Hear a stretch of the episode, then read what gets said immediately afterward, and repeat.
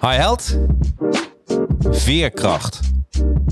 Dit woord dekt de lading van avonturierster en vlogger Floor Okkers, ook wel bekend als Adventure Virgin. In 2019 brak zij met de liefde van haar leven, haar katten en haar huis om een groots avontuur aan te gaan. Bestemming Amerika.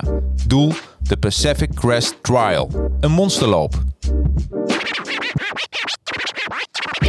Maar ja, door corona gingen de grenzen dicht. Toch ging ze op avontuur en hoe? Want als je plan A niet lukt, dan zorg je voor plan B of plan C of zelfs plan D. Een podcast over moed, doorzettingsvermogen en het ontdekken van je volledige potentie. Here we go. Yeah, the advertising heroes. Let's go. Okay, the advertising heroes. Time for you to know. Help you get your name buzzing for the world. Time to show. Help create a market plan. Now it's time to get it rolling. Even offering you live and online courses. Yeah, yeah. Time to strategize. If you ready, let's begin. For your Instagram, Facebook, LinkedIn. Five years experience, the minimum. So they can help you step it up. Time to represent. Okay, can this ish crash? Knowledge is power. Advertising heroes, yeah, you know that they got ya. Time to take it higher, ready for whatever. Help your social media go to the next level. Uh, advertising heroes, and they ain't stopping. Can this ish crash? Knowledge is power. Advertising heroes, time for you to show it. Help you represent your brand. Time to be heroic, yeah. Advertising heroes, let's go. En welkom iedereen. Jeetje man, Eh, ik, ik hoop dat jullie net zo, er net zo fijn bij zitten als ik. Voor de luisteraars, die kunnen dat niet zien, maar ik zal het even omschrijven. Achter mij is een eh, haardvuurtje, heerlijk, met een kerstboom. Eh, want ja, daar zitten we nou toch wel in. En, en er zitten nog geen cadeautjes onder de kerstboom. Maar ah, deze uitzending wordt natuurlijk een cadeautje. En wat, heel, ja, wat ik echt helemaal geweldig vond, ik was zo blij. Ehm, ik sta nu gewoon in de top 10 podcast van Apple. Dus eh, in de marketing. Ik kreeg vandaag een bericht binnen. We staan nu eh, eh, echt super stip op nummer 9 zijn we binnengekomen. En we gaan gewoon voor de... Voor, ja, nu ga ik, wil ik binnen de top 5 staan. En jullie kunnen me daarbij helpen. Hoe, ja, gewoon door iedereen te vertellen wat je van deze aflevering of een andere aflevering vindt en vond. Een review schrijven op Apple Podcast. En natuurlijk vertel het verder. Dus hoe leuk is dat? En voordat ik het vergeet, ik dacht, eh, normaal gebeurt er een show helemaal aan het einde. Ik doe het nu alvast. De Pricing Power is een eh, podcast van twee weken geleden. Daar hebben we het eh, gehad eh, samen met Joris Smits over ja, hoe we eigenlijk prijspositionering moeten doen. wat voor prijs je moet hanteren op je website. Nou, noem het maar op. En je kon dit boek winnen. En degene die een reactie heeft achtergelaten, waar een aantal mensen natuurlijk geweest, is Theo Sak. Theo, dit boek, ik, eh, Joris Smits, stuur ik jou eh, adres. En ontvang jij dit boek gewoon bij jou op je eh, deurmat. Dus hoe fijn is dat? En dan ook nog de papieren versie. Dus niet de digitale, maar echt de papieren. Kun je hem lekker ruiken. Boeken zijn zo fijn. Boeken zijn zo fijn. En wat ook fijn is... Oh, Annette, welkom. Wat een mooie boom. Ja, Vind je niet mooi, Annette? Je bent aan het lachen, maar ik vind het echt een geweldige mooie boom. Dus eh, daar hebben we tenminste wat aan. Maar ik zit hier niet alleen, anders wordt het een eenzame kerst. Krijg je vioolmuziek op de achtergrond? Nee, ik heb gewoon iemand eh, bij me die, eh, die ja, eigenlijk helemaal is, is overgereisd. Tenminste, dat verhaal maak ik nou van. Helemaal uit het buitenland om hier gewoon op tijd te zijn in Nederland. En dat is niemand minder dan, dan Floor. Nou, Floor. Ja. Floor Okkers. Adventure Virgin. Ja, ik zal toch eens even eh, vertellen aan, eh, aan de rest van de luisteraars en kijkers. Eh, ja, wie is Floor Okkers? En ja, daarmee, ik wil ze eigenlijk verwijzen naar, volgens mij was dat podcast, ik zeg het even over, 38 volgens mij, van eh, 6 december 2019 hebben wij elkaar gesproken. Ja, klopt. Toen, ja, ik heb geen vioolmuziekje bij de hand, maar, maar toen heb je huis en haard achtergelaten. Om nu weer terug te komen naar de studio, omdat wij het nu wel hebben natuurlijk. Ja, zeker. Eh, ja, eh, je vriend eh, de relatie beëindigd omdat jij een, een avontuur wilde beleven. Je wilde buiten spelen en je had een plan. Plan A, dat was de Pacific Crest Trail. Komen we daar even op terug. Dat was je oorspronkelijke plan. En ik heb deze aflevering, want je bent een avonturier, je bent de Nederlandse Tomb Raider eigenlijk, de, de Lara Croft. Eh, ik heb deze aflevering genoemd Life is, happens, eh, Life is what happens to you while you're busy making other plans. Nou, dat klopt helemaal. Ja, dan moest ik meteen aan jou denken. Want jeetje, wat, wat, is er met jou gebeurd? Wat, eh, ja, ik heb eh, 6 december hebben wij met elkaar gesproken, aflevering 38. En die aflevering heet trouwens Life Begins at the End of Your Comfort Zone. En jeetje man, wat, wat heb jij vaak, wat ben jij vaak weer uit je, als je dacht dat je in je comfortzone zat, moest je er weer helemaal uit, hè? Ja, ja, zeker. En als ik dacht dat ik een plan had eh, en een droom waar ik voor kon gaan, toen nou, werd het weer eh, gewoon overhoop gegooid. En eh, ja, ik heb het zo vaak moeten bijstellen. Zeg maar, mijn flexibiliteit is wel flink aangesproken afgelopen jaar. Ja. Ja, want je bent echt een avonturier. Je, bent, je wilde eerst naar Amerika, want daar, zo gingen wij eigenlijk uit elkaar. Ja. En, eh, maar toen gebeurde er iets in de wereld. Misschien heb je erover gehoord. Iets met corona. Iets. Ja. Hè? En, eh, maar dat heeft jou, eh, eh, jouw avonturierreis compleet ja, weggeswiped. Hè? Ja, ja, en ik weet het nog heel goed, want het was namelijk de beruchte speech van Mark Rutte op 16 maart en dat was mijn verjaardag. En iedereen was jouw cadeau. Ja, dat was mijn cadeau. ja. En iedereen was mij ook appjes aan het sturen. Ik hoop dat je een fijne verjaardag hebt en maak er een mooie dag van. Maar nee, toen hij zijn eh, speech gaf en dat dit dus echt gewoon geen griepje is, maar dat dit gewoon de hele wereld ging op slot. Ja. Dat was de eerste lockdown. Amerika sloot de grenzen. Toen zag ik echt mijn droom in het water vallen. En ook gewoon dat ik dacht, kak, hier heb ik alles voor opgezegd. Ja. Alles, gewoon Ja. inderdaad. Mijn, mijn, mijn lieve vriend, mijn huis, mijn baan, alles om naar Amerika te gaan. En nu brengt Rutte dit nieuws, dat alles gewoon op slot gaat. Ja. En de hele wereld bracht dat nieuws. Dus ik heb toen wel, eh, eh, wel een traantje gelaten. Mezelf wel weer herpakt. En toen dacht ik, nou, plan A gaat de ijskast in. Wordt het tijd voor plan B? En plan B is, ik eh, verklaarde mezelf toen eh, ontdekkingsreiziger eh, van de Lage Landen. Ja. En toen heb ik mijn rugzak gepakt en ben ik in april het Pieterpad gaan lopen. En al gauw kwam ik erachter dat de gebaande paden niets voor mij is. ik werd daar heel geïrriteerd van. Ja. Dat ik dacht dat er iemand is die, eens een route voor mij heeft uitgezet en dat ik die ga volgen. Want Ja. iedere keer op ieder kruispunt waarbij het Pieterpad zei je moet naar rechts, dacht ik ik wil naar links, want volgens mij is het daar veel mooier. Dus na drie dagen ben ik van het Pieterpad afgegaan en heb ik mijn eigen weg eh, gevonden door Nederland en heb ik Drenthe verkend.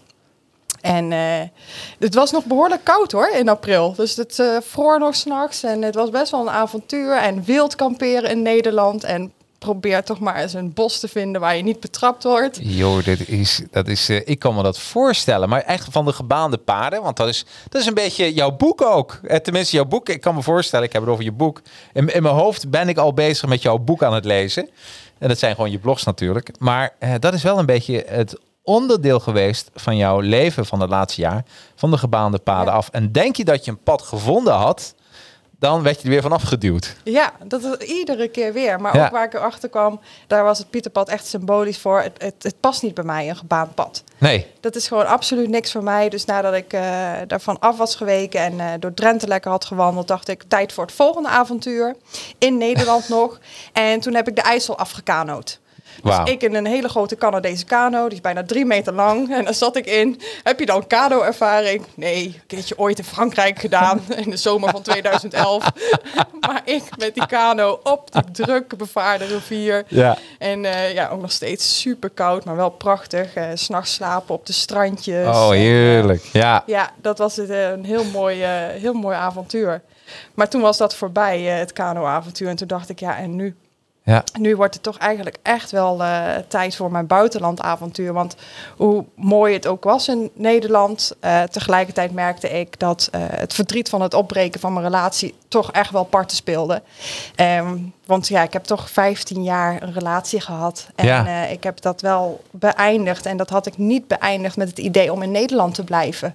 Dus dan word je de hele tijd geconfronteerd, toch, met je, met je ex-partner. En ik zag dat hij wel doorging met zijn leven. En eh, dat hij wel gewoon zijn werk had en een nieuwe vriendin kreeg. En toen dacht ik, ik moet hier weg. Ja. Ik moet gewoon uit Nederland weg, ook om hem los te kunnen laten. Eh, en toen heb ik het eh, besluit genomen op eh, 11 mei om te zeggen, terwijl de landen in lockdown waren en ook de grenzen gesloten zouden zijn, heb ik al mijn spullen op mijn fiets geladen en ben ik de grens met Duitsland overgestoken. Jeetje. En ben ik gewoon vertrokken. En ik heb dat ook tegen niemand verteld, behalve dus tegen mijn ex-partner. Van hem heb ik nog afscheid genomen. Maar pas op het moment dat ik zeker wist dat ik die grens over was en in Duitsland was, Ja? toen pas heb ik het op social media gecommuniceerd. Jongens, ik ben vertrokken. Jeetje. Want ik wilde niet dat er weer een soort van faalverhaal zou zijn van hé, hey, ze wilden naar Duitsland, maar het was niet gelukt. Maar het is niet gelukt. Eh, Dus, Ja. dus, eh, dus een beetje wat. eh dus ook eh, eh, weer een mooi parallel met een boek, want ik kom er zo bij jou op terug. Eh, dat een, een, eh, sommige schrijvers zeggen van eh, als je een idee hebt voor een boek, eh, eh, overleg het met iedereen, oftewel een idee voor een plan. En sommige schrijvers zeggen nee, houd het helemaal voor jezelf. En pas als het geboren wordt, dan, eh, dan, eh, dan kun je met mensen erover praten. Ja. Dus eigenlijk, eh, en wat is voor jou de beste tactiek? Deel 1 of deel 2? Ehm, ja, beide. Kijk, Amerika heb ik tegen iedereen verteld. Ja, Maar is niet doorgegaan. Het tweede plan heb ik tegen niemand verteld. Ik ben gewoon vertrokken. Ja, Dat ja, ja, ja, ja. ja, dus misschien is dat... Hey, proost trouwens. We, we, we, ja. we waren al aan het dranken. Ja. Hoppakee, Ja, proost. Op het, eh, en we zitten anderhalf meter afstand, dus dat doen we ook even heel goed. Ehm, ja, dus plan B was de ontdekkingsreiziger van de lage landen. Dat was het. Hè? Eh, eh, en, eh, en toen ging je die grens over. Maar wat je vorig jaar ook zei, dat vond ik ook heel mooi. Ehm, je hebt, we komen dadelijk even op de plannen. Plan B, C en D. En A hebben we net besproken. Ehm, een mooie uitspraak voor jou in de vorige uitzending is... Je zei, ik ben wel eens alleen, maar ik voel me niet eenzaam. Heb je het afgelopen jaar wel eens eenzaam gevoeld? Heel vaak. Toch wel, hè? Ja. Ja. Eh, heel veel mensen zeggen tegen mij eh, van, oh, ik ben zo jaloers op jou, want het leidt je toch een prachtig en avontuurlijk bestaan. Maar in dat afgelopen half jaar dat ik eh, alleen was, was ik ook soms, oké, prettig alleen, maar ik ben ook wel eens eenzaam geweest. En wanneer ik, ik was vooral de laatste periode was ik heel erg eenzaam, maar daar komen we straks wel op. Eh, ik kom uit Griekenland. Drie ik ben pas drie weken terug in Nederland. En toen ik in Griekenland arriveerde, toen gingen ze net een lockdown. En wij denken dat we hier in lockdown zitten in Nederland. Ik kan je zeggen, in Griekenland is het wel eventjes eh, drie graadjes erger. Ja, Want eh, daar mag je echt niet je huis uit. Er zijn maar zes redenen waarom je je huis uit mag. En dan moet je een sms versturen naar de overheid. hoe laat je het huis uitgaat en voor welke reden. En op straat staat gewoon politie te controleren. Dus ik zat gewoon de hele dag binnen. En de enige keer dat ik mensen zag was als ik naar de supermarkt ging. Jeetje, man. Dus eh, ik heb me daar op een gegeven moment wel echt heel erg eenzaam gevoeld. In de bewoonde wereld ook nog. Jeetje. Terwijl als je mij op een, in een, eh, op een berg zet of in een bos met mijn tentje, wat ik dus in het begin deed van mijn fietsreis, dan voelde ik me niet zo eenzaam als opgesloten zitten in een huis in een grote stad, in een miljoenenstad. Nee, Waarbij je niet naar buiten mag en geen praatje kan maken met andere mensen. want je, door het reizen kom je ook door verschillende culturen. Is het, is het verschil van aanpak hè, van corona in Griekenland en Nederland... Is dat, heeft dat een, eh, heeft een culturele achtergrond? Heeft, heeft het iets met de gedrag, gedrag van de mensen te maken, denk je?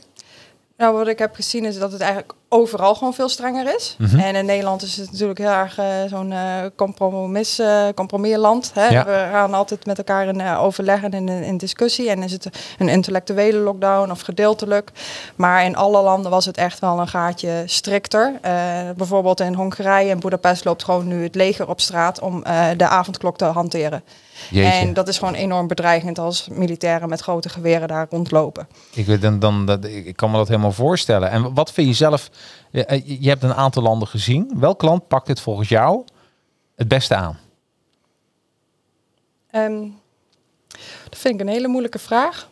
Ik zou zeggen, oh ja, Nederland, want het is lekker prettig, want daar heb je heel veel vrijheid. Ja. Maar ik weet niet of dat per se de juiste, de juiste aanpak is, maar om in te leven. Ja? Nu tijdens eh, deze coronatijd, dan zou ik toch zeggen Nederland. Want hierin, eh, in dit land, heb je de allermeeste vrijheden nog steeds. Toch wel? Ja. Als je Ja. kijkt naar andere landen, daar heb je echt geen, eh, niet zoveel vrijheden. De avondklok, je moet sms'jes versturen waarom je naar buiten gaat. Je wordt gecontroleerd. Dat is toch wel een ander gevoel. Wordt Dat- je vrijheid ingeperkt. Ja. Ja, ja dus, dus eigenlijk We hebben het hier heel goed. heel goed. Ja. Dus, en, eh, en ik denk dat we qua besmettingen, denk ik, ook wel in lijn liggen qua Europa. Liggen we boven of onder? Ehm, Of nou, dat vind ik dus wel opvallend. Het maakt dus eigenlijk niet zo. Wat ik heb gezien, eh, het maakt niet veel uit welke maatregelen de landen toepassen. Het is namelijk overal gewoon hetzelfde. Het Ja. besmettingen. Dus Ja. Eh, het zal ook heel lastig worden. Eh, ze waren erover aan het praten, zullen we dat gelijk trekken, alle regels? En denk ik, ja, hoe dan?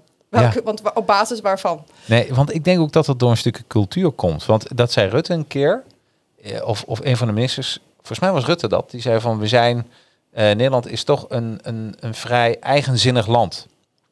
Dus wat de, een, een cultuur wat gewend is om orders op te volgen van de regering, Eh, zo, zo zijn Nederlanders gewoon niet. nee, dus wij moeten nee, het op een wilden andere geen manier. autoriteit. Nee. En eh, in andere landen zijn veel autoritairder. Ja, dat klopt. Ja, dus ik, eh, dat vond ik wel een hele mooie. Dus eigenlijk maakt het niet uit. En dan kun je, ja, dan kun je beter kiezen Ja, voor de Nederlandse land- aanpak. Ja, met de meeste vrijheid. En dat was wel ook dus na drie weken in lockdown te hebben gezeten in Griekenland. Dat ik dacht, ik keer terug Ja, naar Nederland, want daar is meer vrijheid. En daar eh, ken ik ook mensen, daar kan ik wel een praatje maken. En daar kan ik, heb ik meer vrijheden dan in, eh, in Griekenland of in Italië of Hongarije. En dat was überhaupt geen optie meer, want die landen hadden al de grenzen gesloten. ja, dus daar kon je sowieso niet meer in. Nee. Want wat, dat, wat is er? Want je hebt natuurlijk eh, voor plan C. Ik, ik ga eens even door. Van, je bent nou van Hannover. En als ik het fout heb, moet je even zeggen. Maar dit is Hannover. Van Hannover naar Berlijn. Klopt. Ik wil ik dadelijk even alles weten over jouw gecrashte drone. Als eh, social media bureau natuurlijk. Ja, ja. Dresden, Tsjechië, Oostenrijk, Slowakije, eh, Slowakije en Hongarije. Ben ik iets vergeten? Eh, nee, daar stopte mijn fietsavontuur. En Ja. daarna ben ik nog met vliegtuig naar Sicilië gegaan. De Etna beklommen. En van Sicilië ben ik naar Griekenland gegaan, naar Athene. Ja. En daar heb ik mijn reis afgesloten met het rennen van de ehm, marathon, de originele marathon. Van Marathonas naar Athene. Oh, wat heerlijk. Dat, Dat, was dat de is. laatste dag. Ja. Wat, wat, wat was, als je nou even naar plan C kijkt, wat was je hoogtepunt van plan C? Eh, Slowakije. Slowakije was echt mijn lievelingsland. En dan heb ik het vooral over het eh Tatrasgebergte. Ja. En ik zou zeggen voor een stedenstrip uh, sla Bratislava over mensen. dat zijn Ja, ja, dat is echt, ja hè, dat, dat hoef je niet mee te maken. Nee, maar? Tatrasgebergte, dat vond ik echt een on, eh, ja, nog een onontdekt pareltje. Eh, iedereen kent natuurlijk de Alpen, iedereen kent ook de Slovenische Alpen. Maar dat is echt een enorme toeristen zitten daar, eh, Ja. toeristisch. En het was natuurlijk nu helemaal niet toeristisch.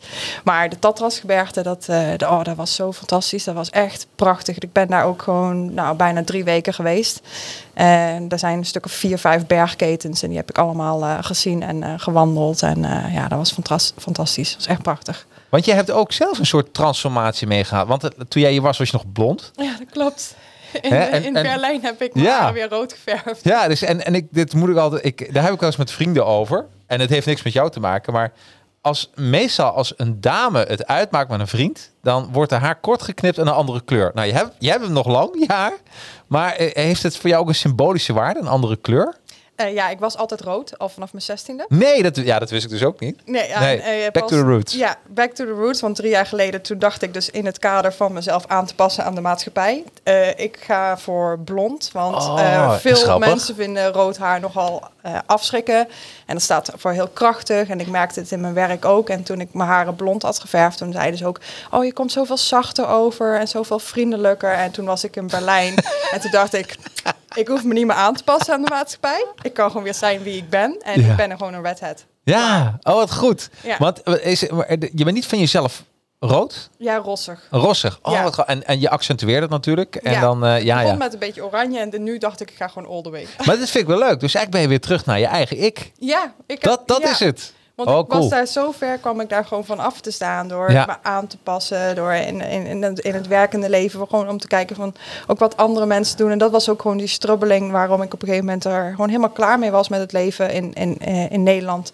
Ja, Ehm, ja, toch dat je aanpast en denk ja, daar ben je zelf bij, maar je wordt er ook wel een beetje mee, ja, besmet is niet het goede woord, maar ehm, beïnvloed door de mensen met wie je omgaat. Nou, nou, ik kan me voorstellen. En ik geloof ook dat eh, dat, eh, dat vorige, dat maakt je inderdaad zachter in je gezicht. Ik bedoel, maar dit ben jij. Ja. Dus wat is dan belangrijker? Dat ik, dit ben ik. Ja, dat bedoel ik. Ja. Dus dat is. En ik en- heb gewoon weer een baan, dus dus het maakt allemaal niet uit, jongens. Nee. Nee. Maar nee, dat vind ik echt heel goed. Heb je nog meer dingen aangepast? Oftewel, dat je terug bent gegaan naar je eigen ik? Ehm, ja, ik zou er nu even niet concreet een voorbeeld van noemen. Of we kunnen, Kunnen noemen. Nee, nee, nee. nee. Want Ja, ik ben wel veranderd. Ik ben wel veel eh, zachter geworden. Dus niet in mijn gezicht. maar ik ben wel qua eh, karakter wel zachter geworden. Want wat ik heb geleerd door, met, door eh, al die andere culturen. Ja. Ik heb heel veel geleerd te luisteren naar mensen. En mijn mening op te schorten. Ik was altijd heel snel met... dat ik een antwoord klaar had. En dat is ook best wel iets Nederlands. Eh, Ja. eh, Nederlanders willen altijd... eh, we denken het altijd beter te weten. En hebben altijd wel een oplossing overal voor. Maar soms willen mensen gewoon hun verhaal kwijt. Ja. En ik heb echt geleerd, oké, mond houden nu en gewoon alleen maar leren doorvragen. En stoppen met meteen je mening te geven. En daar heb ik mezelf echt in getraind. Ja. Eh, en eh, ja, daarin ben ik dus wel veel zachter geworden nu. En dat ik dus ook gewoon beter kan luisteren naar mensen. Oh, wat goed. Was er een moment dat je dacht van, dit, dit, ga, ik, dit ga ik echt veranderen tijdens het reizen? Is, is er iets gebeurd? Ja, eh, maar ik heb een nieuwe liefde. Kijk, nou even, dit is, dit is ook een nieuwe liefde gewoon. Ja, en, en waar komt hij van? Waar, en welke plan en welk land? Eh, Welk hij plan komt uit eh, Servië. Oké, Ehm, dus dat is echt ja, Oost-Europa. Ja. En ehm, eh, helaas heb ik hem niet in Servië ontmoet. En, en ben ik ook nooit naar Servië kunnen gaan, omdat de grenzen zaten dicht met Servië. Maar ik heb hem leren kennen in Budapest. ja. En door met hem een relatie te hebben, eh, merkte ik wel even dat echt Oost en West clashten met elkaar. en dat hij over heel veel zaken toch wel heel anders denkt in het Ja? leven dan dat ik denk. En Kun je eens een ik- voorbeeld noemen? Ehm, nou, hij gelooft in eh, veel meer dat alles organisch is. Dus zoals bijvoorbeeld nu dit, eh, dit, dit virus ook. Eh, hij, hij, er is geen haar op zijn hoofd die erover denkt om zich te laten vaccineren. Terwijl Oh. wij daar heel erg over bezig zijn. Je moet je laten vaccineren. Ja. zegt gewoon, nee, dit is gewoon de natuur.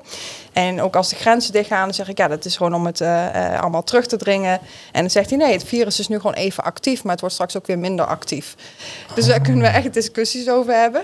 Ja? En van, ja, maar er is dan toch geen oplossing? En dan zegt hij, nee, maar heel veel dingen lossen zichzelf ook op. Daar hoef je, is geen menselijk ingrijpen voor nodig.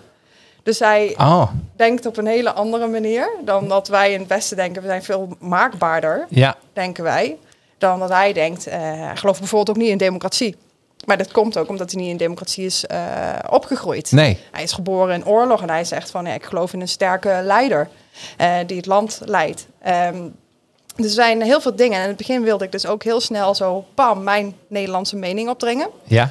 Maar toen leerde ik te luisteren en dan nam hij mij ook mee, bijvoorbeeld in de geschiedenis van nou, Joegoslavië. Hij is in de Joegoslavië-oorlogen geboren en hoe dat is gebeurd en hoe hij dus ook dan democratie daaraan hangt. Niet helemaal als oorzaak, er zijn natuurlijk heel veel dingen gebeurd en ik wil ook niet in een politiek eh, ding vervallen. verval- Nee, hier, begrijp maar- ik, begrijp ik. eh, hij, het is heel interessant eh, om te kijken van wat zijn visie op het verhaal. En wat ik ook leerde, want ik heb niet alleen met hem gesproken, maar ook bijvoorbeeld met getraumatiseerde eh, mensen uit oorlogslanden, is dat de geschiedenisboeken worden altijd geschreven door winnaars. Ja. Maar de verliezers, eh, of de verliezers, ja, de winnaars wijzen verliezers aan, die hebben ook een verhaal. Ja. En ik leerde te luisteren naar de verhalen van de verliezers. En ook zoals Servië wordt toch een beetje gezien als de boosdoener in heel Joegoslavië. Maar dan zie ik zijn kant van het verhaal. We hebben samen documentaires gekeken. En dan denk je, oh, het ligt toch een stuk genuanceerder Ja. dan dat wij in de geschiedenisboeken hebben gekregen. Of wat op de Nederlandse Wikipedia-pagina staat. Ja. Want wat op de Nederlandse Wikipedia-pagina staat, is iets anders dan op de Servische Wikipedia-pagina's.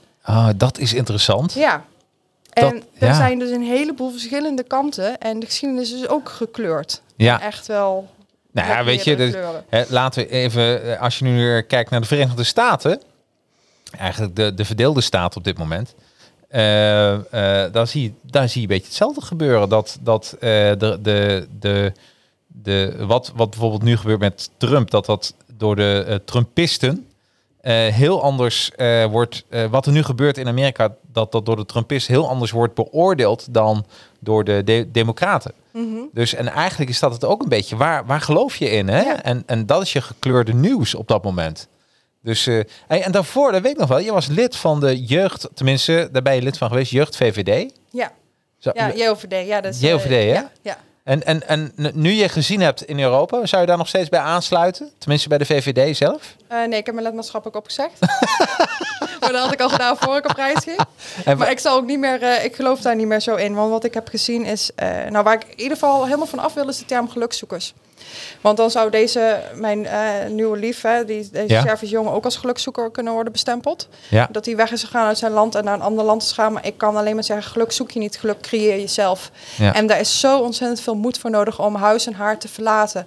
En te zeggen, ik ga op zoek naar, een, of ik ga eh, werken in een ander land. En ik ga proberen daar mijn dromen, mijn leven en bestaan opnieuw op te bouwen.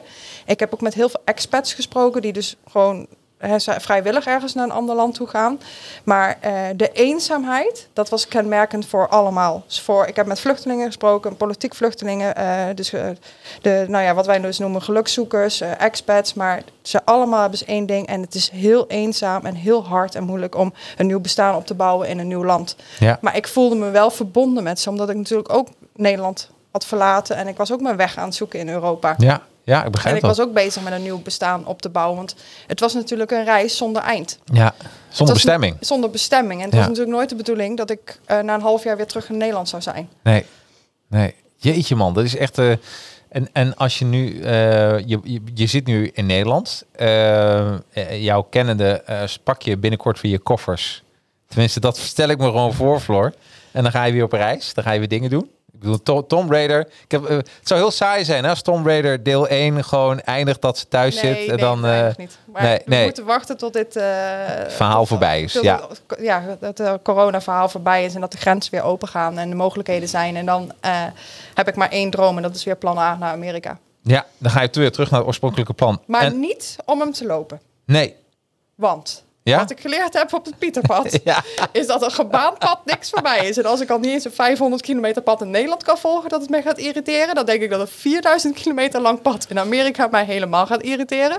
Dus ik denk dat ik mezelf de vrijheid ga geven. En gewoon geen pad ga geven. Dat is ook mooi.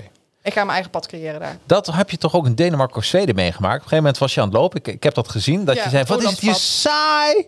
Ja. Hè, je vond het echt saai. En eigenlijk was het ook een pad waarvan iedereen zei, dit moet je gewoon lopen. Ja, dus een mooie route, de pelgrimsroute inderdaad. Ja, van, dat was ehm, het. Oslo naar Trondheim. Eh, maar nee, Voor jou was het echt Strondheim volgens mij. Ja, het was, ja, het het was een hel. Dus ik heb dat in ieder geval geleerd van een bestaand pad past niet bij mij. En ook iedereen vroeg ook met de fietsreis van heb je dan een doel en waar ga je dan naartoe? En het was gewoon echt iedere ochtend. Ik maakte dus nooit een avond van tevoren plannen, maar iedere ochtend dan nam ik eerst een kopje koffie, pakte ik mijn telefoontje erbij met Google Maps en dan keek ik naar de wind en ik dacht ik hoe goed voelen mijn benen en denk ik nou nu ga ik daar naartoe. Oh, wat goed. Dus, Dus, het was altijd zonder plan, zonder doel. Dus mensen vroegen ook, hoe weet je dan of de fietsroute mooi is? En daarop kan ik maar één ding zeggen, de route die je neemt is altijd mooi. Want je neemt hem, je kiest hem. nou, ik heb een paar quotes opgeschreven van vorige keer wat je gezegd hebt. En een van de zaken is dat je zei van in het verleden, eh, eh, tenminste dat heb ik opgeschreven, in verleden bedacht je wel eens een plan. Nee, dat heb jij gezegd. In het verleden bedacht ik wel eens een plan, stak ik daar veel geld in, plus een verdienmodel. En nu heb ik het omgedraaid. Mijn droom is zo sterk, het antwoord dient zich wel aan. Er komt steeds weer een nieuw antwoord. Ja, nou, daar sta ik nog steeds achter. Sta je nog steeds achter? Ja, eens even, even checken na een jaar, hè? Ja. Ja. Gewoon, soms moet je gewoon doen en uit je hoofd gaan en gewoon doen. Ja, ja. Dat is heel belangrijk, want we zitten heel erg bezig in ons hoofd. En je kunt ook met eh, honderdduizend businessplannen schrijven of een reisplan maken. Maar je kunt ook gewoon zeggen, ik ga die grens over en ik bekijk het Ik ga het gewoon doen. Ja, ik ga het gewoon doen. En wat je ook hebt, en 16 maart is een, eh, een eh, dan ga je ons allemaal een cadeau geven, heb je dit jaar gezegd. Ja, dat Ja. klopt. Maar Ja. ik denk dat ik hem toch nog wel even ga uitstellen. dat boek. Ja, dat boek. Dat boek. Daarom, ja. is, ja, daarom hint ik daar daarvoor ook een beetje op. Want eh, je zei van, ik ga een boek schrijven. ja. En dat 16 wilde ik maart ook echt. 2021 trakteer ik mezelf op een boek. Op mijn eigen boek. Ja, en ik ben er ook mee bezig. Ik ben ook aan het schrijven. Oeh. Dus, maar wat het nu is, ik geloof niet dat ik in maart al eh, in het buitenland zit. Nee. Ik denk eerder dat het april, mei wordt. En het boek is niet af. Het zou inderdaad een laffe tompreden worden als het plan A is niet doorgaan. Ontdekkingsreizen van Nederland, eh, Nederland, plan B, plan C. Maar er komt nog een dikke vette plan D aan. En ik wil eerst iets doen waarmee ik mezelf gewoon eh, overstijg. Ja. Waarmee ik echt de metamorfose of de transformatie compleet maak. Want Ja. ik heb het gevoel, ik hikte er nu tegenaan. En net op het moment dat ik op dreef kwam, poep, donderde het weer in elkaar vanwege eh, corona. Maar er zit nog zoveel meer in mij. En ik wil eerst dat hoogtepunt behalen. En daarvoor wil ik graag naar Amerika. Eh, en dat heeft met plan B- D te maken, dat ik denk, ja... En dan pas is het boek af. Ja, oké. Dus, Dus het, het, ik denk dat het eh, reëel gezien toch nog een eh halfjaartje of een jaartje vertraging gaat oplopen. ja, ja, maar ja, dat heel eerlijk, alles heeft vertraging opgelopen. ja, ja. Hè? Dus, eh, want, want, want, want dat gebeurde er. Hey, op een gegeven moment was jij er, en ja, even, nee, niet off topic, maar ja, toch ook wel een beetje. Ik, ik like natuurlijk jouw YouTube-video's. En geweldig hoe je ze maakt.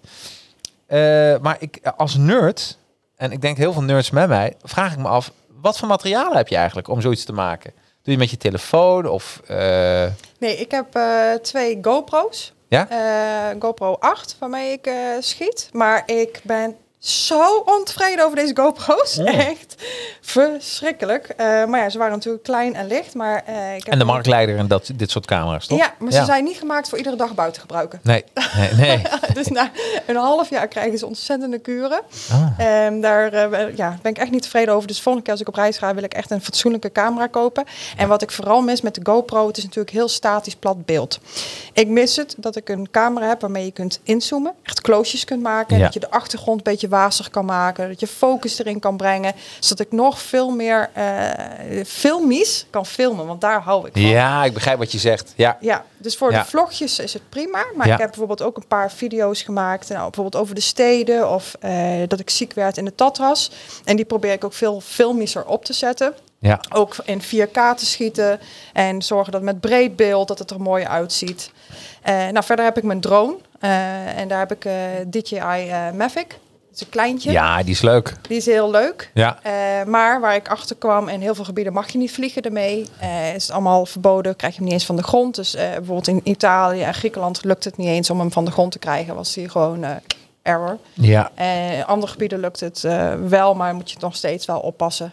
Want het is heel gevoelig. En ja, hij is dus een keertje gecrashed. Ja, en hoe is, hoe, is, wa- wa- hoe is dat gebeurd? Want je was aan het vliegen, hij crasht bij iemand in de tuin en die wilde je hem niet teruggeven. Dat, dat, dat is een kort. Ja, ja, ja, nou, ja, niet in de tuin. Ja, het was, ik, ik weet niet eens meer hoe dat... Oh jawel, dat was, het heette ook eh Teufelsberg. Ja, Teufelsberg, daar is ja, het gebeurd. Ja, de Duivelsberg. Ja. Nou, dat was het dus ook echt zeker. En dat was een oud spionagegebouw of iets met hele mooie koepels erop. En er zitten nu eh, eh, kunstenaars en die hebben daar gra- eh, gra- graffiti en zo allemaal op het gebouw. Oh. En daar is een heel groot hek omheen, dubbel hek met Mhm. de prikkeldraad. En ik dacht, ik ga daar eens even mooi vliegen over dat gebouw heen.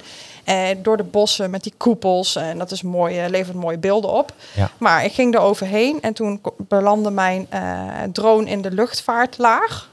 En dan heb je geen controle meer erover. Want het is gevaarlijk, want dan verstoor je de luchtvaartlaag. Maar ik zat er al in. Oh. En ik wilde hem eruit halen, maar ik zag hem niet, want ik zat in een bos. Dus normaal Ja. gesproken hou ik hem in de gaten. Waar is die? Ehm, maar ik zag hem niet, dus ik liet hem automatisch terugvliegen. Ja. En wat doet hij dan als hij automatisch terugvliegt? En normaal gesproken doe ik het dus gewoon altijd handmatig. Dan gaat hij weer diezelfde route nemen als dat hij kwam. Ja. Dus hij ging weer de luchtvaartlaag in. Toen kwam er net een vliegtuig of iets over, werd het signaal verstoord en hij crashte tegen de koepel en viel op het dak. Ah. Dus als ik hem handmatig had teruggehaald, was het gelukt. Maar ik kon hem niet zien met mijn ogen. En als Nee. je alles op eh, zo'n schermpje moet doen. En er zijn koepels. En ik was tussen die koepels aan het filmen. Ik zat in een bos, dus ik had geen oogcontact ermee. Nee, nee, begrijp ik. Dus dan is het heel moeilijk als je hem niet ziet. Waar is die dan? en hoe haal je hem terug? Dus helaas, hij eh, viel dus op het dak. Eh, ik heb dus ook beelden ervan. Ik zag hem gewoon crashen. En toen belde ik de eigenaar. En eh, vroeg ik, mag ik hem alsjeblieft van het dak afhalen? En die was heel kwaad. En hij zei, dit is privéterrein. En je had er überhaupt nooit mogen vliegen. En ja, ik moest mijn excuses aanbieden. En het was gewoon klaar. Ik kreeg hem gewoon niet terug. Dus hij ligt daar nu nog steeds. Hij heeft hem gewoon hij heeft hem op zijn Duitse marktplaats gezet volgens mij. Maar ook het kaartje niet dus. Of, Ja, ja, en toen zei ik, mag ik dan het kaartje hebben met het filmbeelden? Want ik had ook nog filmbeelden heel mooi Ja. gemaakt van eh Slos eh Charlottenburg. ja. En, om, en meer plekken in Berlijn. En ik was alles kwijt. Jeetje man. Ja. Dus nu, iedere keer als ik gefilmd heb, haal ik het kaartje leeg. Ja, ik, wil- dus dat is heel slim. Ja, ik zit even te denken, want toevallig, ik ben ook even aan het kijken naar eh, wat, wat vlogcameraatjes. En je hebt nu de vlogcamera van het jaar is de ZV1 van Sony. Die, die kan dat, wat jij zegt. Dus dat is de vlogcamera die nu het- helemaal de bom is, die de achtergrond ook lekker onscherp maakt. Ja, En eh, welke mij ook heel gaaf lijkt, is ook van DJI, is de Osmo Pocket 2. En die twee samen. Dus ik, ik, daar ben ik zelf nog ook aan het kijken. Dus als eh, luisteraars en kijkers denken van... hey, Jacques, we hebben nog een goede tip om mee te vloggen. Laat het even weten. Ben ik ook heel benieuwd. Maar zo leuk. Dus je Gear. En hoeveel batterijen neem je dan mee? Heb je dan echt al meerdere batterijen als je Ja, op pad gaat? ik had, en hoe doe je eh, het met opladen? Ja, ik had vier batterijen voor de GoPro's. Want de Ja? Batterijen van de GoPro's zijn ook echt super slecht. Ja. Echt, die gaan anderhalf uur mee. Dus eh, ook daarover, er is nog heel veel te verbeteren Ja. voor die eh, jongens daar. Ja. Eh, en ik had dus twee accu's bij. Ja. En met die twee accu's kon ik, ehm tien, of powerbanks, kon ik eh 10 of 12 keer opladen. Dus ik had hele Oh, ja, ja, ja, ja, ja. En dat had ik ook nodig, want vooral in het begin, toen ik net de grens was overgestoken in Duitsland, ja, ik kon dus niet naar een camping en alles was gesloten. Dus dan zat ik gewoon ook echt gewoon meer dan een week in de, in de bossen. En moest ik wel stroom hebben voor Ja. meer dan een week. Dus daarom had ik ook twee powerbanks bij me. ja. Eh, zodat ik wel mijn telefoon kon opladen, de GoPro's kon opladen en natuurlijk de eh, drone kon opladen. En dat vraagt nogal wat. En die zijn ook heel zwaar, die Ja, powerbanks. jeetje. Maar dus, en, eh, en dan ga je editen. Doe je op je laptop. Ja, ik had mijn laptop mee en ik heb ook nog een hele grote. Ja, ja. Ja. En, en hoe lang ben je nou bezig met het editen van zo'n film? Nou, toch wel heel wat uurtjes. Eh, Want ik, eh, nou, die filmpjes zijn tussen de 12 en 20 minuten voor mij. eh. en daar ben ik toch wel een volle dag mee bezig om te editen. Ja. Ik zoek ook muziek uit. En heel veel mensen zeggen ook, oh, dan heb je mooie muziek. Maar daar wil ik wel bij zeggen, daar betaal ik dus ook voor. Ja, Ja, en nou, dan ben ik daar toch wel mee bezig. Maar het grootste probleem of grootste moeilijkheid is toch wel proberen het filmpje te uploaden. En in Ja. Duitsland is het nog geen probleem. En in- kijk, daarom hou ik ook van Slowakije. In Slowakije hadden ze het snelste internet van Europa. ja. En dat komt, Slowakije. ja, maar dat komt voor... Dat, ik heb het verhaal gehoord. Ik weet niet of dat klopt. Maar omdat hun, eh, hun eh, telefoonlijnen zo oud waren... zijn die eh, als eerste vernieuwd door al die moderne lijnen. Vandaar dat, dat die een van de modernste... Ja, het is fantastisch. Ja, daar. Bulgarije heeft dat ook. Dat, dat zijn de landen met de hoogste, de beste tele- telefoonlijnen van, van Europa. Omdat het zo oud was, dat ze op een gegeven moment moesten ze wel. Maar ja, ze zijn goed ingesprongen in deze nieuwe... Ja, ja. ja. Ja, want Hongarije was het verschrikkelijk Griekenland. oh, Dan, en Ja. daar baal ik van, want ik hou dus heel erg van kwaliteit, wil ik zeggen. Ik probeer dus eh, altijd eh, te schieten in eh 2.7K of een 4K. Maar ja, als je hem dan in zulke slechte kwaliteit en je moet hem eerst weer converteren en klein maken, de video, en dan uploaden, denk ik, oh, dat gaat ten koste van wat ik heb geschoten. Ehm, dus dat vond ik wel heel erg jammer dat ik niet altijd de beste kwaliteit op YouTube kon zetten. Ja. Maar nog steeds zijn de video's de moeite waard. Dus ik zou zeggen tegen iedereen, ga even naar mijn YouTube kanaal. Absoluut. Ja, even, even pluggen, eh, Floor. Dus Adventure Virgin. Ja, En, En daar eh, kunnen mensen inderdaad mijn hele reis terugkijken. Ja, en doen het net als mijn vriendin Maaike. En, en, en niet dat je opeens eh, hoeft les te geven op groep 1 en 2, terwijl ze dat wel heel leuk vindt. Maar wordt Patreon Ja, van, van Floor. Want kun je daar iets over vertellen? Je hebt een soort Patreon eh, ja, eh, ik- dat, dat mensen ja, jou kunnen eh, sponsoren ja precies. Ja, voor voor, content. ja, voor, voor 3 euro per maand kunnen mensen mij sponsoren. En wat ik daarmee wil doen, wat ik altijd zeg, ik betaal zelf de reizen, want het is mijn droom en mijn avontuur. Maar ik zou zo graag eh, betere cameraapparatuur willen. Nou, daar hadden we het net Ja. over. Mooiere vlogcamera, zodat de kwaliteit ook gewoon nog be- beter wordt. En daar wil ik heel graag het geld van Patreon voor gebruiken. Ehm, dus dat is met, voor 3 euro per maand kun je me sponsoren. Maar je krijgt er ook iets voor terug. En dat Ja. is namelijk de verhalen achter de video's. Mensen zeggen heel, heel vaak... oh Floor, je laat zoveel persoonlijke dingen zien in video's. Ik kan je vertellen, in de blog gaat het nog een stapje verder. Oh, Leendert Jan van Doorn zegt, ik ga even naar het YouTube-kanaal. Wel ondertussen blijven luisteren, Leendert. Maar het is zeker de moeite waard. En een van de verhalen die jij eigenlijk eh, eh, zei, eh, of tenminste wat ik heb gevolgd, ehm, en heb ik het beeld nog steeds van voor mijn ogen. Ik word nog steeds 's nachts zwetend wakker van dit beeld. Dat, dat, dat jij eh, aan een tafel zit met allemaal bloed over je trui. Oh ja, ja, ja, ja. Toen We- kwam ik net uit het ziekenhuis van Budapest. Wil je daar iets over vertellen? Wat is er gebeurd en waarom had je bloed over je, je hele lijf? Ja, dan moet ik dus even twee weken terug. Toen was Ja? ik dus nog in Slowakije. Ja. En toen was ik in de Tatrasgebergte. En ik ging daar voor een meerdaagse wandeltocht. Ik had even mijn fiets op de camping achtergelaten. En ik denk, ik wil graag eh, naar Polen. Ik denk, Ja. dat land heb ik niet gehad. Nee. En dus ik ga vanuit Slowakije naar Polen wandelen. En ik eh, zou voor drie dagen gaan, maar ik kon niet voor drie dagen water meenemen. Dus dat betekent dat je gewoon water moet drinken onderweg. Ik heb dat eerder gedaan in de bergen, gewoon water drinken uit bergbeekjes. dus ik dacht, dat zal wel goed gaan. Nou, dus na een paar uurtjes wandelen, dronk ik eh, al de eerste fles water leeg uit het bergbeekje. En het smaakte supergoed, het water. Het smaakte beter dan kraanwater of het water dat je koopt in de supermarkt. Dus ik denk, geen probleem. Maar toen kwam ik eh, helemaal bovenaan de berg terecht. En toen zag ik een meer, waar het water dus uitkwam. Want ik dacht, dit is, is gewoon gesmolten sneeuw. Dit komt gewoon uit de bergen, uit de sneeuw. Want er lag gewoon nog sneeuw. Maar dat was dus niet zo. Dat water kwam dus uit een meer. Ja. En terwijl ik naar het meer keek, zag ik al dat het meer groen was. Van de algen en de zon scheen de hele dag op het meer. Maar nog veel erger, er waren mensen in het meer. Die waren daar aan het badderen. Ja. Dus dat water was verontreinigd. ja.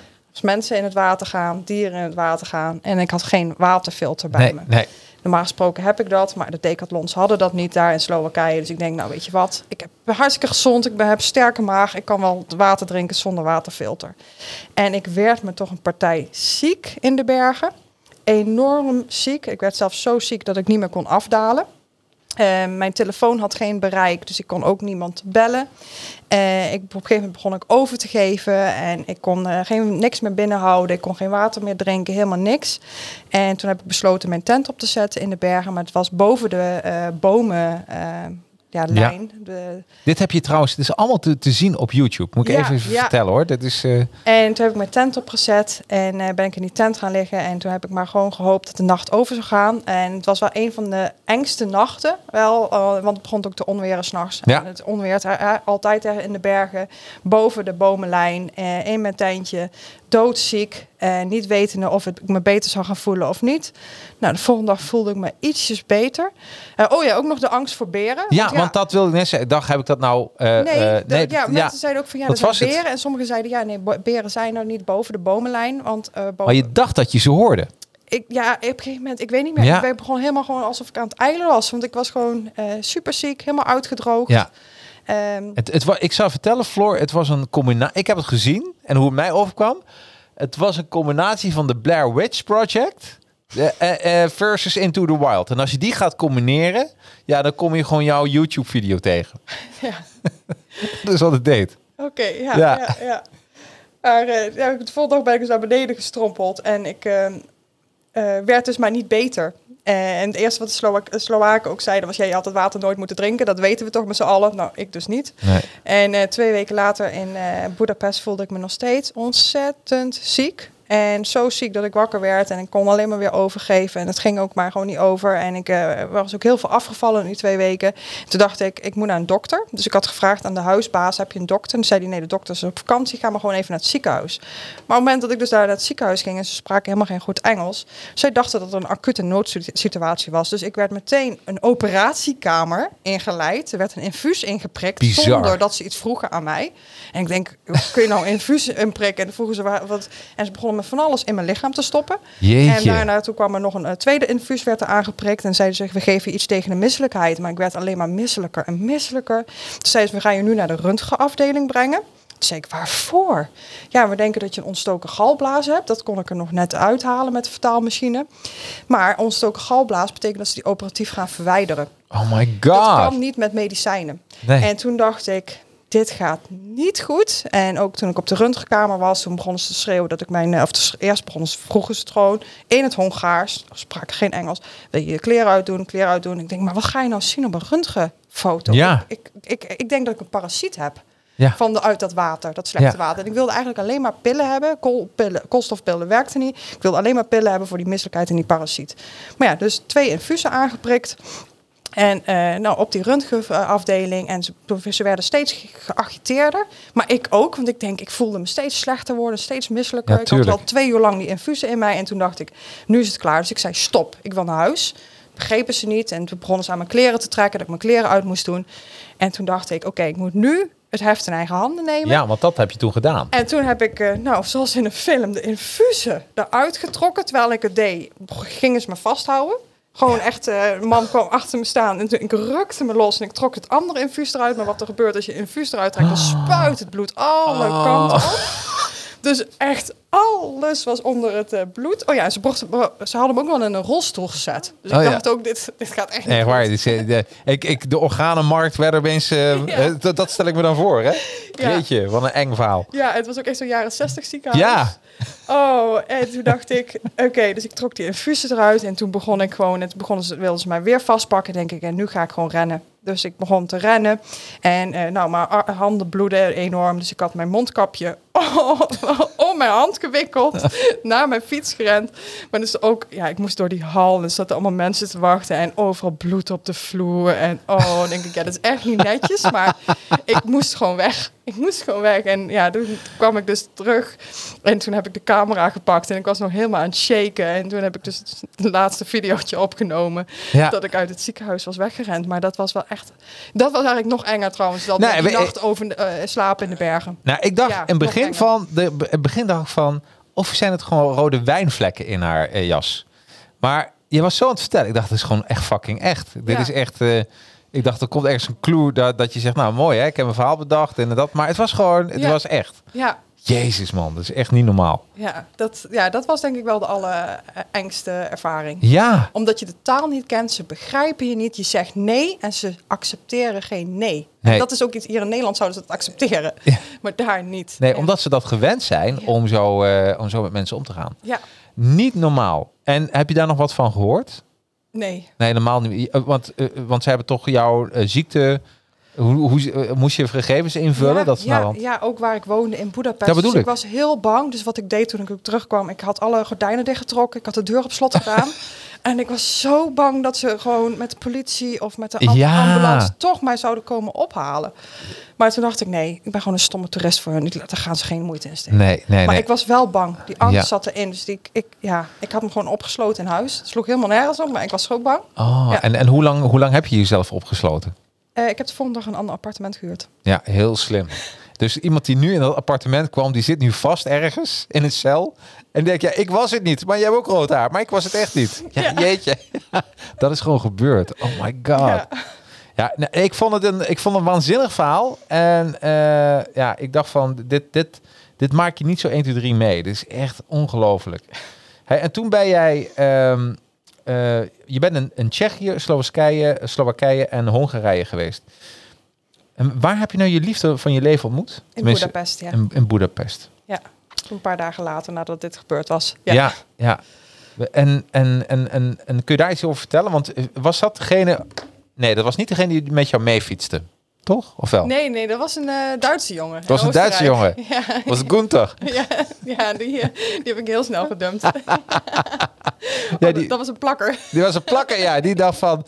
Nou ja, maar je, was, je vond het wel leuk. Hè? Dat zei, je, zo, zo open bij ook in jouw eh, YouTube-vlogs. je vond het wel even leuk, de aandacht. En ook van, nou ja... Maar op een gegeven moment zou je met hem afspreken. Hij was niet gekomen, toch? Of niet? Eh, nee, hij was wel gekomen, maar hij dacht Oh. dat hij eh, gewoon in, eh, bij mij in huis mocht blijven wonen. En zo allemaal meteen. en ik dacht, nee, nee, gewoon ga weg.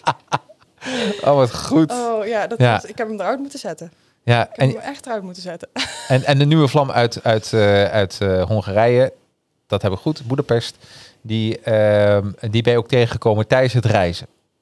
Eh, ja, nou, we hebben zoiets als een, een of andere datingsapp. Ja? waarmee je met mannen kunt afspreken. Oké, heel goed. Een soort Fiverr. Eh Fiverr, eh, wat is het? Nee, Tinder. Tinder, ja. Ja. Zit Tinder. Ja. En ik had met hem afgesproken en het was liefde op het eerste gezicht. Wat fijn, man. Ja, het was echt een hele, hele bijzondere ervaring. Gewoon, het was. ehm, ik weet nog heel goed, ik was eh, hij, hij kwam naar mijn appartement en dat doe ik normaal gesproken nooit. Ik denk altijd, ik spreek altijd ergens op een andere plek af, gewoon wat lekker veilig is en zo. Maar ik had gewoon een gevoel bij deze jongen. Het is goed, Het is kom goed. maar. En ik deed de deur open en daar stond gewoon de allerlangste jongen van heel Oost-Europa. hij is 1,95 meter. En hij, zijn aanblik, dat ontroerde mij zo ontzettend. Want Ja. eh, wat ik zag namelijk eh, in zijn ogen was de pijn en de eenzaamheid.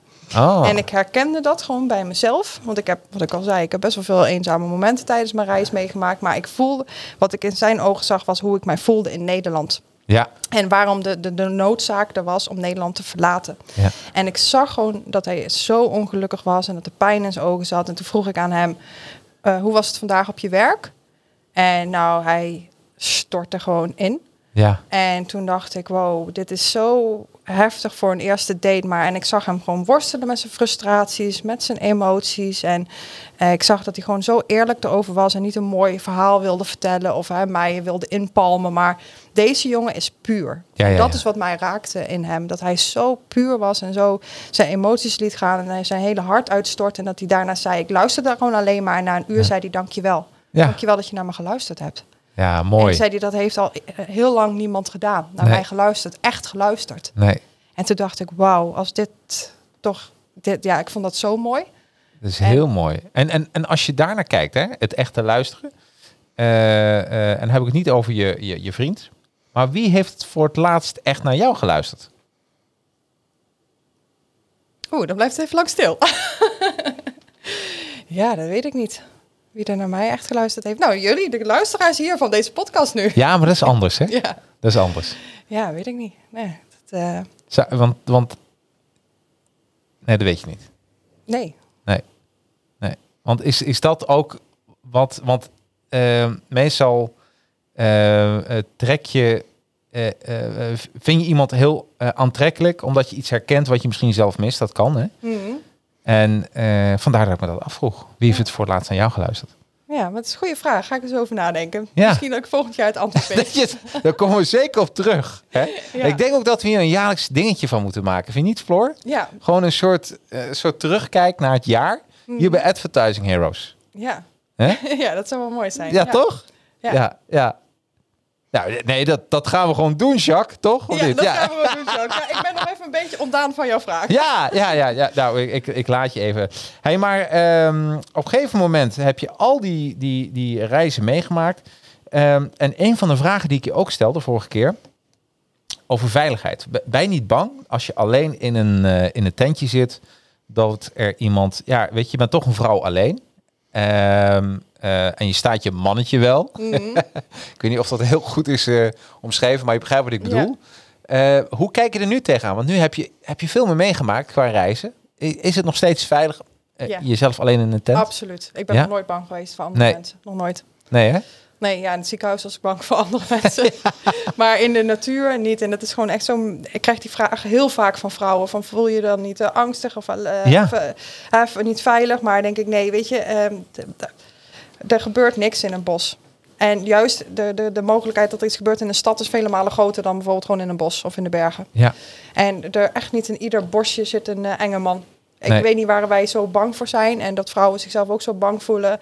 Eh, maar dat is af en toe als er een keer iets, iets gebeurt in de media, dat zijn de excessen. Dat is niet de normale gang van zaken. Ik bedoel, 99,99999% van de mensheid is goed. Ja, ja, ja. ja. En daar geloof ik ook gewoon in. En wat ik ook zelf altijd denk, de echte gekken, die zijn ook gewoon lui. En die verplaatsen zich liever ook in een stad of op een brommetje of in een auto of iets. Dan dat ze heel ver kilometers diep het bos in gaan om iemand te zoeken. Nou, Nee, nee, de nee. kans is heel klein dat je daar een vrouw alleen vindt. In Nou, bos. ik moet ook zeggen, maar jij, en dat is, jij gaat ook niet Pieterpad bezoeken. Jou te vinden is is al speld in de hooiberg, lijkt me. Hè, dan moet je een soort, eh, ja, dan moet je een beetje verknipte puzzelaar zijn die van bergwandelingen houdt. Want anders, anders kom je jou niet tegen. Nee. Nee. Nee, en dan nog, dan lig ik daar eh, al vijf dagen ongewassen in eh, dat tentje. Ik denk dat ze iets beters kunnen vinden. Ja, ja, ja. Dat ze de, hey, dit was niet de bedoeling. Precies. Nee, nee. Hey, en maar nu heb je even een jump teruggemaakt naar, naar Nederland. En het mooie is, het, het, het, het, wat jou heeft tegengehouden eh, van de plannen, daar verdien je nu je geld mee. Ja, dat klopt. Ja, want eh, ik eh, werk nu bij eh, de GGD Goor van Nederland. En ik, mijn werk heeft dus alles te maken met het bestrijden en het terugdringen van ja, het COVID-virus, Ja, van, voor corona. van corona. ja, wa- wat Ja. is jouw taak precies? Ik zit in het crisiscommunicatieteam.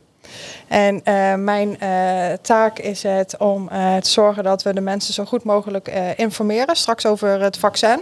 Oh, Nou, wat goed. Ja, daar kan ik nu dus nu nog even niks Oh, daar over ben je nu mee bezig. Ben ik met, nu mee oh, wat bezig. met het plan. Wat goed. En eh, dat we ook zo goed mogelijk een voorlichtingscampagne houden over waarom mensen mee moeten doen aan eh, bron- en contactonderzoek. Ja. Eh, dus dat als mensen dus positief getest zijn, dan worden ze gebeld door iemand van de GGD en dan wordt gevraagd van met wie ben je allemaal in contact geweest, waar ben je geweest. En ja, dat mensen wel zo goed mogelijk daaraan meewerken, want daardoor worden heel veel, 25% van de gevallen wordt toch nog opgespoord door bron- en contactonderzoek. Ja, ja, ja. Dus het is heel belangrijk dat mensen daaraan mee, eh, meewerken. En ja, straks eh, zijn alle ogen en pijlen gericht op het vaccin. En daar ga ik ook een grote rol in, eh, in spelen. Ja.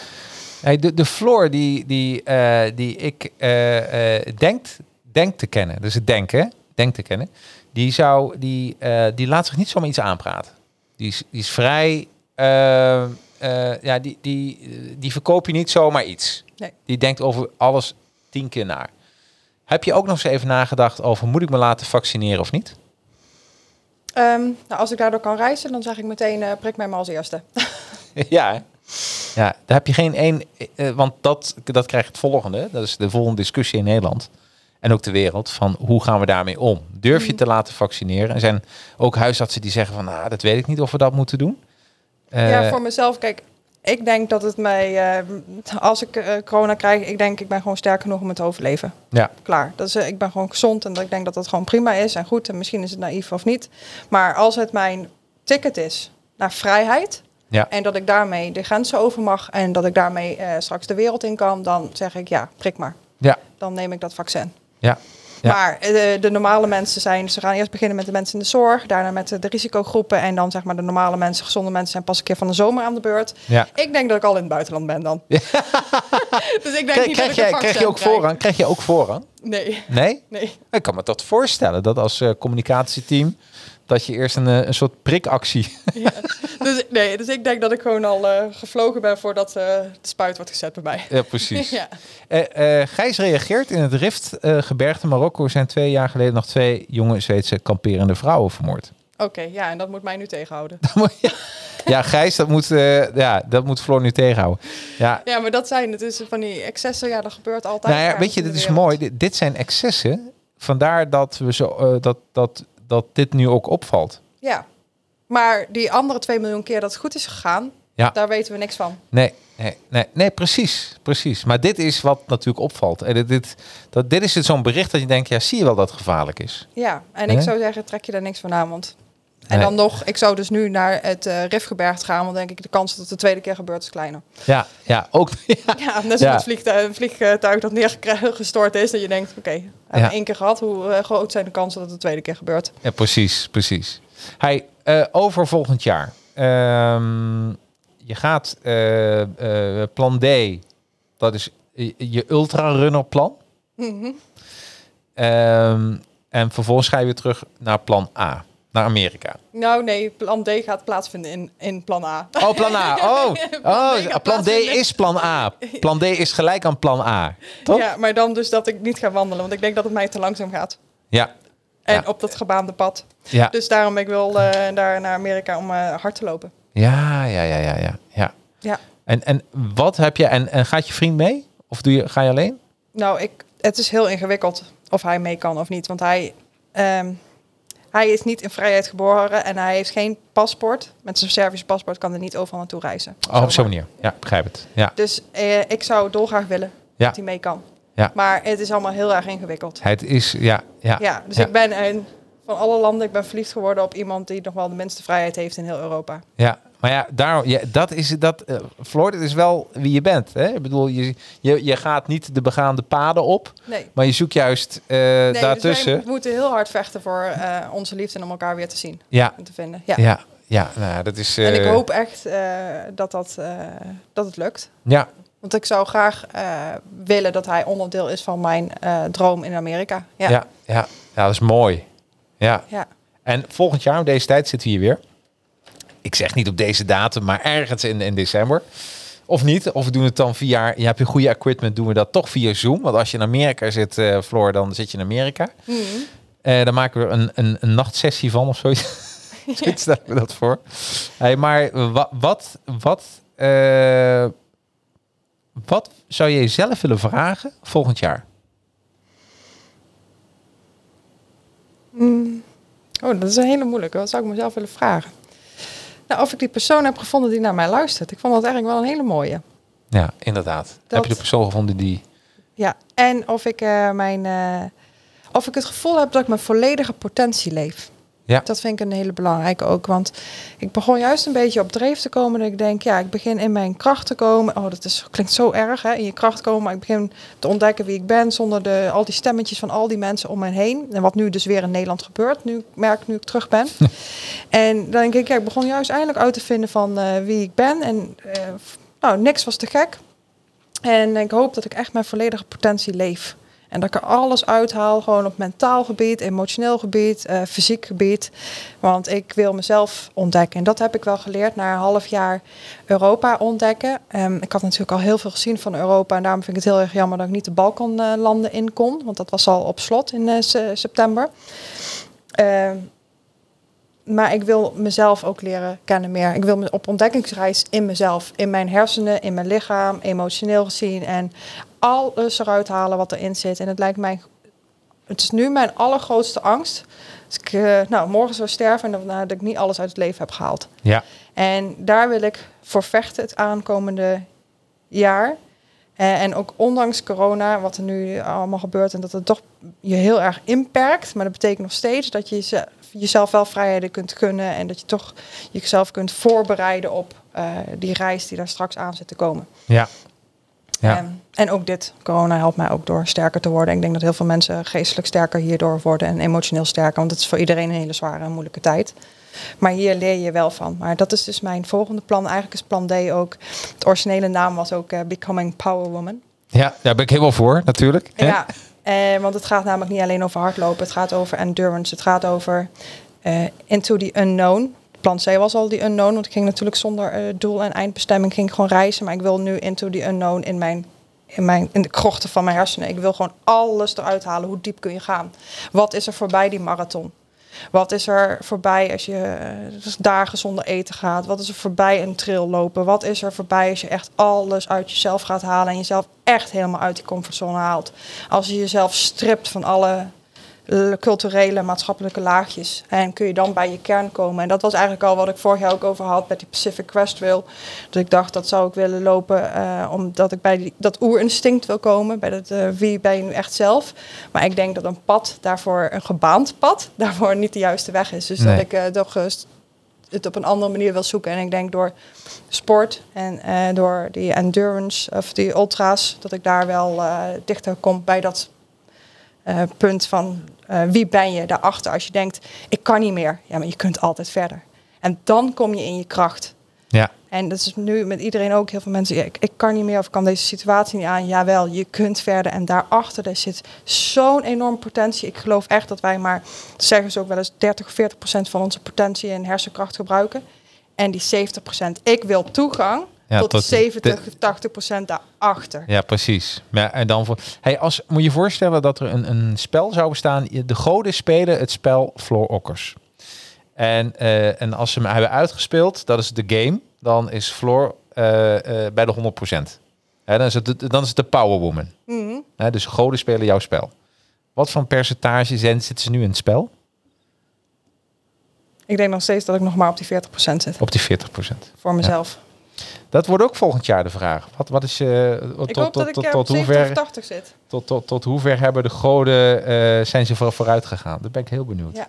Hey, eh, als laatste, Floor, want we kunnen nog even flink doorgaan, maar het is al een uurtje wat ik eigenlijk in de podcast is ook lekker. Dan Mhm. moeten mensen hiernaar willen ze meer Floor hebben, meer Floor tijd. Nou, dan, dan kun je altijd nog even de podcast van vorige keer luisteren, podcast 38. Live Of naar mijn at the YouTube so- kanaal. Ja. Live begins at the comfortzone. En, niet of, want dat hebben we net geleerd. En, ja, En- zeker. En naar je YouTube kanaal. Want, en, en Patreon gewoon worden. Want dan Ja. betekent gewoon dat je. eh, en dat kun je gewoon doen naar eh, eh, adventurevirgin.nl, denk ik. Hè? Daar staan wel alle Patreon. Hoe ze dat kunnen worden, toch? Er staat wat buttons bij en zo. Oké. Hey, als laatste, wat. want jij bent ook gek op lezen.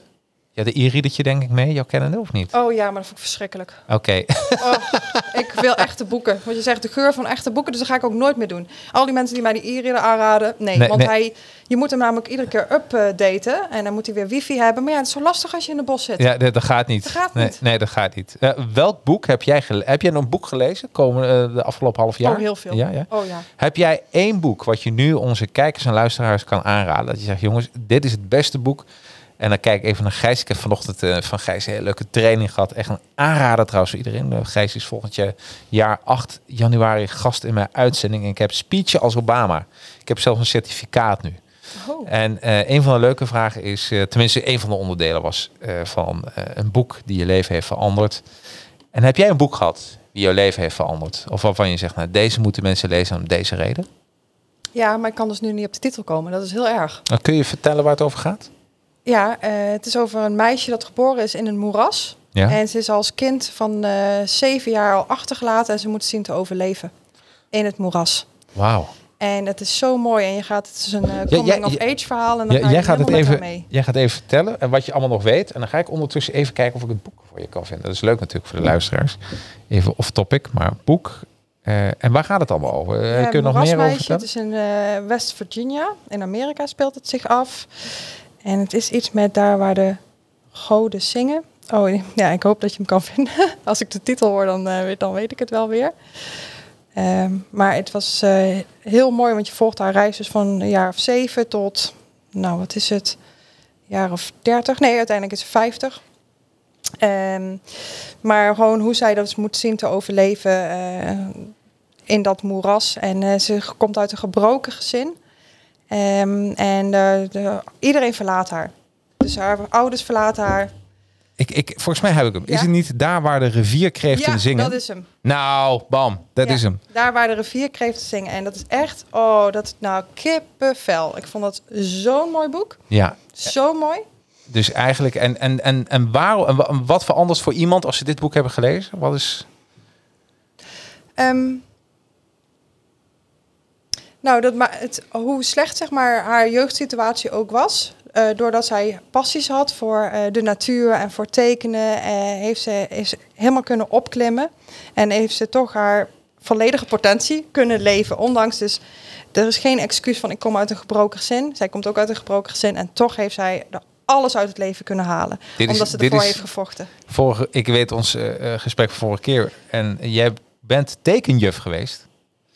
En ook, eigenlijk heb je geen contact meer met je ouders. Nee. Dus eigenlijk is het bijna autobiografisch. Tenminste, Ja, misschien gaat het parallellen. een beetje over mij. ja, eh, mooi. Ik, tijdens, ik heb het gevoel dat alles wat je aantrekt is wat je in jezelf herkent. Mhm. Ja, maar bij wie niet? Ja, bij wie niet? Eh, echt, is een echt gebeurd verhaal trouwens? Weet je dat zo?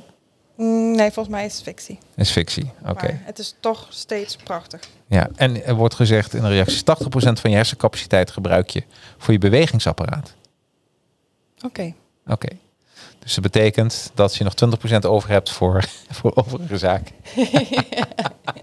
dat zou kunnen. Hey Floor, ik vond het weer een waanzinnig fijn gesprek. Maar vind ik altijd. Hè? Want Dankjewel. eh, je bent... eh, eh, eigenlijk is dat... een, dit is een applausje. Nou, een, een soort... Geen applaus hoor, maar je bent de gast die nu het vaakst in mijn uitzending is geweest. Wat ik altijd heel inspirerend vind. De derde keer. En, en ik volg, we blijven je ook op de voet volgen gewoon. Ja, leuk. Hoe, hoe leuk is dat niet? Ja, zeker. Eh, ben ik iets vergeten, Floor?